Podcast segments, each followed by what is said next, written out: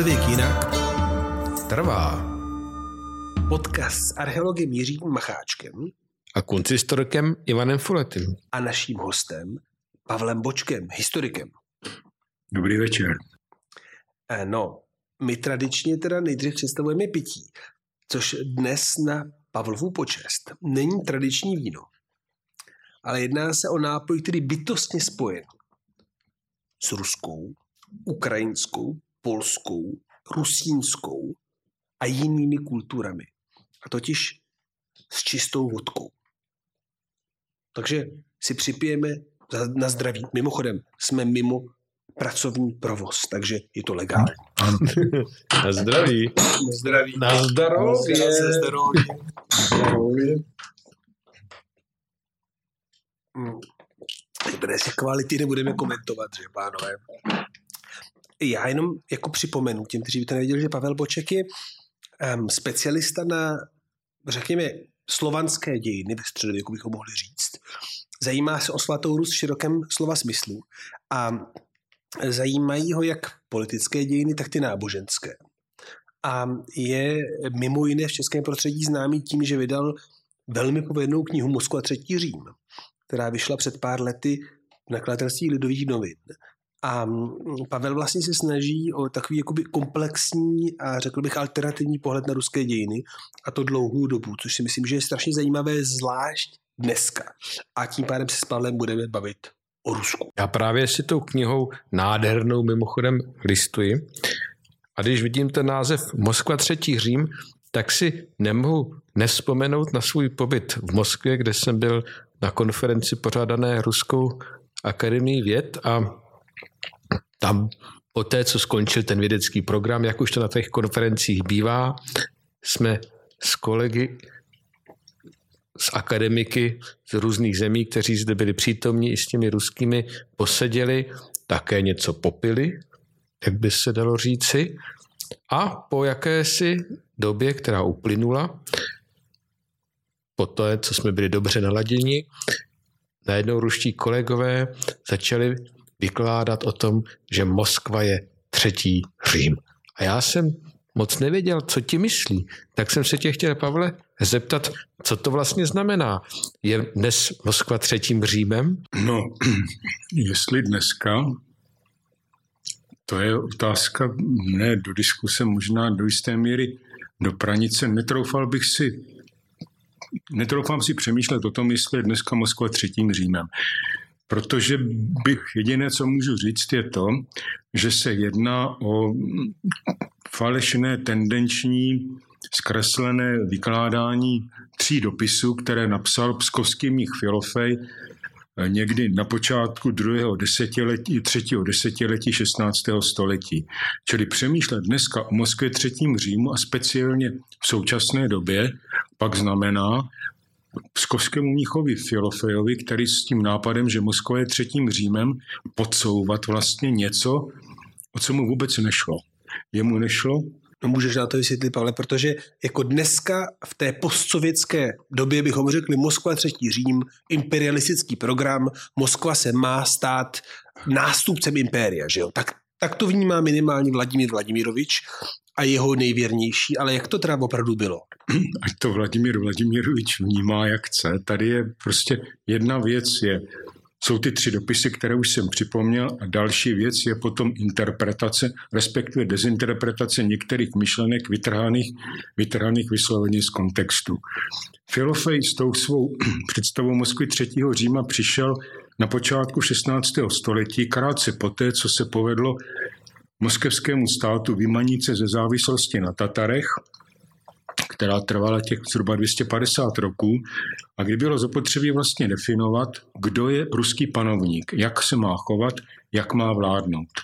Filofej přišel s představou, že podstatným ochráncem křesťanského světa, křesťanské víry, samozřejmě tou jedinou správnou křesťanskou vírou je víra pravoslavná, byla a ve Filofejích očích, no a samozřejmě v pohledu ruských pravoslavných zase to nemůže být nic jiného než pravoslavná víra.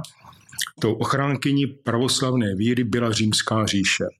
Kristus se vepsal do římské říše, tím pádem ji vlastně posvětil a stala se součástí lidského dění a ochránkyni potom křesťanské říše, prostě proto, že Josef a Maria putovali do Betléma, aby se podrobili tomu sčítání.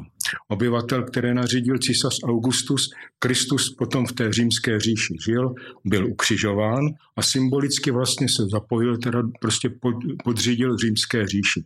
Institutu, který poté, co císař Konstantin vydal milánský edikt a podnikl celou řadu dalších kroků, tak se vlastně křesťanství stalo nedílnou součástí právě té římské říše. Jedno podporovalo, jedno podporovalo druhé. Ve filofejích očích to bylo tak, že první Řím, to znamená Řím opravdu, kde sídlí papež, padl, protože tam přijali Apolináriovu herezi. To byl jeden z vážných omylů Filofejových, protože Apolinárius Laudicejský, který žil ve čtvrtém století, je považován za vlastně jediného skutečného monofizitu asi vůbec v dějinách. Všichni ostatní. Počkej, Pavle, to musí vysvětlit. Monofizita, totiž ten, který věří, že Kristus je jenom Bůh a ta lidská skořápka no, je ano, přidaná. Ano, přesně tak. To znamená, že Sidonus Apollinaris je prostě z pohledu minimálně postchalcedonského, to znamená od poloviny 5. století, považován za heretik ve všem křesťanském světě. No, ve všem. Nikoli jak v Egyptě v koptské církvi. Ale kopti by se hádali, ale pojďme nechat kopty kopty, ale já jsem jenom chtěl říct, kdo jsou monofyziti, takže já bych... Sidonus Apollinaris a v tom se vlastně mílí Filofej. Ano, naprosto jednoznačně. Pravoslavná víra utíká v rámci stále ještě samozřejmě existující římské říše utíká do Konstantinopole. Z filofejové perspektivy. Z perspektivy. z heretického Říma do Konstantinopole? Ano, jenomže v Konstantinopoli se dopustili vážné chyby, protože v roce 1439 podepsali ve, v cir- ve Florenci církevní unii, která znamenala vlastně přechod pod svrchovanost římského papeže uznání svrchovanosti římského papeže, začali se modlit, že Duch Svatý vychází nejenom z Boha Otce, ale také z Boha Syna, tak jak se to modlí křesťané na západě a přijali učení o očistci. Já jenom pro naše posluchače připomenu, že ten koncil Florenci je zajímavý moment. Byzantská říše se rozpadá, Konstantinopol už je vlastně jakoby říše stát a v téhle situaci eh, vlastně se chtějí zachránit, se chtějí zachránit a, a doufají, doufají, že jim pomůže papež, že jim prostě pomůže ten západokřesťanský svět, jenomže se ukázalo, že západokřesťanský svět má dostatek svých problémů a Konstant... se na ně. No, Konstantinopoli přišla na pomoc asi pět tisíc statečných kanavanů na čele s Giovannim Justinianem, ale to bylo samozřejmě daleko méně, než v Konstantinopoli očekávali. Ve Filofejích očích samozřejmě, a nikoliv jenom v očích Filofejových, eh, představitelé Konstantinopolský císař Johannes VIII a patriarcha Josef II. zradili pravoslavnou víru a protože hod Konstantinopol padla, tak musela pravoslavná víra a římská říše nalézt nové útočiště.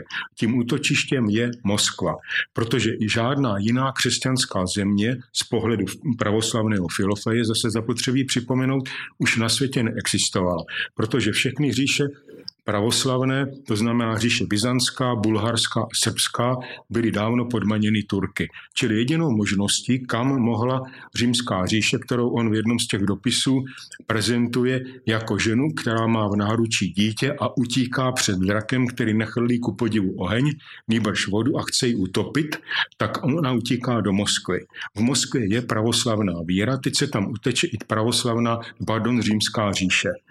A úkolem moskevského panovníka, v té době Vasilie III., je vládnout tak, aby neohrozil existenci římské říše a pravoslavné víry. Jinými slovy, když bude vládnout špatně a způsobí pád Moskvy, zaviní pád třetího Říma, prostě čtvrtý už neexistuje, není kam by římská říše utekla. Takže jestli tomu správně rozumím, Pavle, tak vlastně my se bavíme o čistě teologickém konceptu, kdy vlastně se jakoby ta politická realita říše navazuje na to Vlastně ano. křesťanské dědictví. Protože tam moc nepřechází. Přechází pouze ten symbol. Ten symbol. Utíkající ano. žena s dítětem. Utíkající žena s dítětem, jenomže ta žena je římská říše. Ten symbol ochránkyně eh, křesťanského světa. Pravoslavné, pravoslavné víry, pravoslavné církve. Počkej, ale tam jakoby, já to chápu jenom z části. Já chápu tu, řekněme, teologickou dimenzi, ale úplně nechápu, jak římská říše může utíkat. Přes římská říše přece geograficko-politická realita a ta se nepřemysťuje. To je symbol. To jsou ty teorie a představy o tom, že byla říše egyptská, že byla říše um, Mezopotámii a tak dále. A jednou z těch říší je taky ta říše římská. Která se prostě personifikuje a může ano, utíkat. Ano, může utíkat a musí utíkat, protože římská říše je garantem existence křesťanského světa. A když padne římská říše, padne křesťanský svět. Čili to jsou ty dva momenty, které jsou nerozlučně spojeny a je zapotřebí pro ně najít útočiště. Ve takže ne, nemůžeme odloučit křesťanství od říše. Římské říše. Naprosto no, ale kdy se teda z toho teologického konceptu stává jakýsi politický program? Nebo imperialistický program? No jo, já jenom bych to ještě dokončil. On to není čistě teologický koncept, to je prostě definice úlohy moskevského panovníka.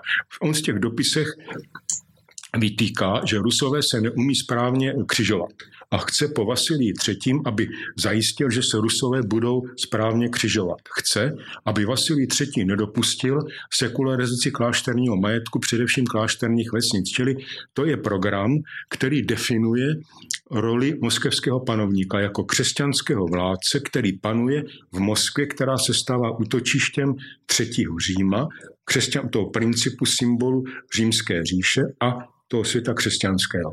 Čili o to, o to tomu filofiovi jde.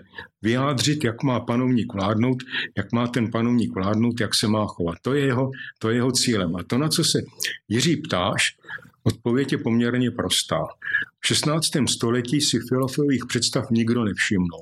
Ani takový muž, jako byl Ivan Hrozný, on navazuje na myšlenkové koncepty třeba Josefa Volokolamského, trošinku Nila Sorského, ale především teda Josefa Volokolamského a dalších mnichů, filofeje si nevšímá.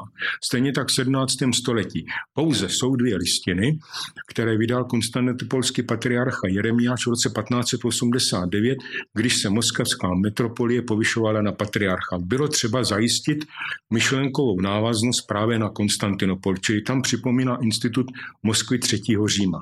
Ta imperiální až imperialistická... Pavle, to je jako úplně, pardon, že tě přerušuju, ale to znamená, že ty Filofejovy dopisy byly známé v Konstantinopoli. Je otázkou, jestli on ty dopisy znal, nebo od koho se o nich Ale věděl. prostě ty dopisy byly doznámé na to by v 17. století patriarcha Konstantinopolský. To je 1589. Tady Takže to, na konci 16. Na konci 16. století.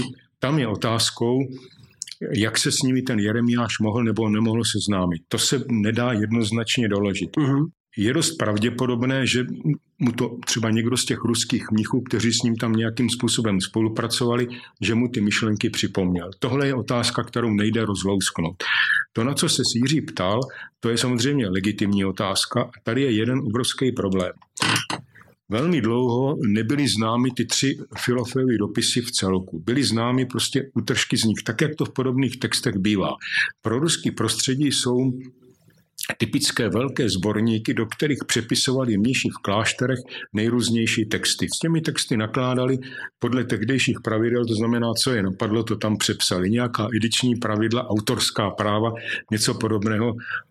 Pravdově, že oni do dneška to na Rusy příliš nerespektují, ta kniha je toho jedinečným svědectvím. To mimochodem by bylo úplně zločinné dneska, že jo, tady necitovat filofii a vyřezat pouze kusy.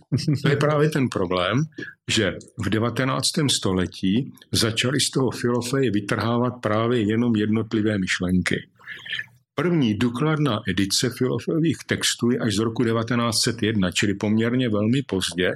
A to, když se ten třetí Řím začne připomínat třeba u carských korunovací nebo při kolonizaci Dálného východu, tak jsou to vlastně myšlenky, které jsou vytrženy prostě z toho Filofajeva, z těch Filofejových dopisů a ta koncepce, jeho ta představa je výrazným způsobem zkreslená. Pak je možné začít tvrdit, ano, je to imperiální, ba přímo imperialistická teorie, ale ale ve skutečnosti není. To je prostě příklad voluntaristického, naklá, voluntaristického nakládání s textem. Hm. Já se ještě zeptám, ty jsi eh, říkal, že vlastně ten filofej jakýmsi způsobem se obrací na toho panovníka. Ano. A teď ta otázka je, církev tímto způsobem jaksi uh, úkoluje toho panovníka. Tam se musím ptát, takový ten koncept toho cezaropapismu, jakoby jak byl v té Byzanci vyvinut, dá se to nějak chápat, že se to aspoň nějaké ideové rovině trošičku přenáší i na tu Rus ve smyslu takového užšího propojení církve a toho panovníka, nebo to oni takhle si, se nedá chápat? Oni by tam to Filofovo vystoupení je jedno z několika. Tam těch na přelomu 15. a 16. století textu, řekněme, podobného, nebo aspoň přibližně podobného charakteru objevuje několik. Výraznou osobností na trůně byl Ivan III. Muž, který chtěl rozhodovat o tom, když postavili ten, když Aristoteles Feravanty postavil ten nádherný nový uspenský chrám v Moskvě, tak se přeli o to, jestli procesy při jeho svěcení má obcházet proti nebo po slunci. Ivan III. tvrdil, že má pravdu on. Pravdu měl samozřejmě metropolita Geronti, který tvrdil, že se má jít proti slunci. Ivan tvrdil po slunci. A dopadlo to tak, že Geronti odjel eh, z Kremlu, odjel do kláštera, kde zahájil kariéru a Ivanovi, pišnému, sebevědomému, úspěšnému muži nezbylo, než přijet do toho kláštera poklonit se, otče můj metropolito, vrať se zpátky. Ivan by prostě nesmírně rád rozhodoval o kdečem v té církvi, včetně toho, že on byl prvním a na dlouhá desetiletí jediným, kdo si troufnul částečnou sekularizaci. Sebral nebo nechal sebrat část majetku novgorodskému arcibiskupovi a deseti největším novgorodským klášterům. Tam bylo najednou zapotřebí vyřešit otázku, kdo je ten moskevský panovník, vymezit mantinely a určit, jak se v těch mantinelech má pohybovat, protože Ivan III., stejně tak jeho syn Vasilij III. o Ivanovi hrozném raději ani nebudu mluvit, ten by velmi rád rozhodoval úplně o všem v té církvi. A to oni nemohli připustit. To znamená, že vlastně jakým způsobem oproti teda říši, té byzantské, nebo já říkám konstantinopolské, eh, je ten poměr sil dost opačný, protože v Konstantinopoli velmi často prostě císař píše noty a patriarcha to realizuje, zatímco v Moskvě vlastně jakým způsobem ta, ta protiváha patriarchy je taková, že budoucí cár nebo že si úplně dovolit. Ne, je to tak. Ano, je to tak, tam se to začne lámat prostě za, začne se to lámat za Ivana, nebo zkusí to lámat Ivan Hrozný. To je ten známý konflikt eh, s metropolitou Filipem Količevem, kterého nechá sesadit, potom zaškrtit a pak si vybírá metropolity až do konce své vlády, kteří jsou naprosto jednoznačně loajální a plní to, co on by chtěl, aby se modlili za zdraví Ivanovo, za zdraví jeho rodiny, za úspěch ve válečných taženích a tak dále. Čili ten koncept, o kterém Mejendorf, Šméman, Špidlík píší a dokazují naprosto jednoznačně a právem, že vlastně má svoje kořeny ještě v té dávné římské pohanské tradici. Že tam prostě nedošlo k nějakému výraznějšímu posunu. O to se ten Ivan snaží. Potom přijde nesmírně zajímavá etapa a konflikt mezi carem a patriarchou Nikonem. Mm-hmm. Tam je otázkou, kdo vyhraje v tom střetu, jestli světská nebo v které době, v které době? V polovině 17. století, pardon, omlouvám se, v polovině 17. století. Tam je otázkou, koho hodnotit jako vítěze. On je to spíš pad, ale je tam jedno, jed, vznikne jedno velké nebezpečí, uvědomí si, že je možné být několik roků bez patriarchy, to znamená nechat ho zastupovat. A to je moment, který využije potom syn Alexeje Michajloviče, který se dostal do konfliktu s tím Nikonem, zruší nebo nechá, nebo obsadí v roce 1700 patriarchát a v roce 1721 ho zruší. To je zásadní, si zásadní ten průlom. Syn je dost důležitá postava ruských dějin, že? Ano, je. A jak se jmenuje? Petr Veliký. No. Ano, to je dost pro naše posluchače, rozumíte. Petr Veliký je vlastně člověk, který přetáhne tu mocenskou část na stranu vlastně státu, státu. který dokáže to, oč usiloval třeba jeden z byzantských císařů Leon III., který v roce 730 zakázal uctívání ikon. On chtěl podřídit, on, jemu se přisuzuje myšlenka, že jsme nejenom hlava státu, ale jsme také nejvyšší hlavou církve. On Což ale je i konstantinovská myšlenka, že jo? To je, je to konstantinovská myšlenka. To se pořád vracíme zpátky. Ano, vrací no, se. To je právě to trošičku, na co jsem se ptal, ten poměr ruského státu a církve, protože právě dnes vidíme to naprosté propojení, které tam jaksi existuje a teď mě zajímá, jako kdy se to jako vyvinulo eh, v těch dějinách. Jestli to je za toho Petra Velikého? Petr ten dokázal, ono se to postupně vyvíjelo. Tam pak záleželo na, když byl syn carem Michal Firorovič Romanov a Filaret, otec byl patriarchou, tak je to ideální spolupráce. To je model, který je neopakovatelný. Takže tam musíme říct si ideální vlastně spolupráce otec a syn, syn a otec. Jeden podporuje druhého. Různými způsoby, ale naprosto jednoznačně. Nikon má ambici nadřadit moc, svět, pardon, moc duchovní moci světské. Narazí na Alexeje Michajloviče. Alexej Michajlovič to je taková, řekněme, ta tichá síla. On není tak razantní, ostrý, tvrdý, jako byl jeho syn. Pravda, že on neměřil 2 metry 2, tak jako měřil, jako měřil Petr Veliký. Ale u Petra tam je ten zásadní krok zřízení nejsvětějšího synodu, čili v, cir- v čele církve stojí kolektivní orgán a církev se stane jedním ze státních úřadů. Totiž nám teďka už strašně utíká čas, takže my to budeme muset povolit dotáhnout do konce, ale eh, jestli tomu správně rozumí, tak vy jste vlastně v situaci, kdy Moskva třetí Řím je koncept, který je založen, koncipován z té ekleziální polohy. A v tom jakoby středověkém tradičním světě.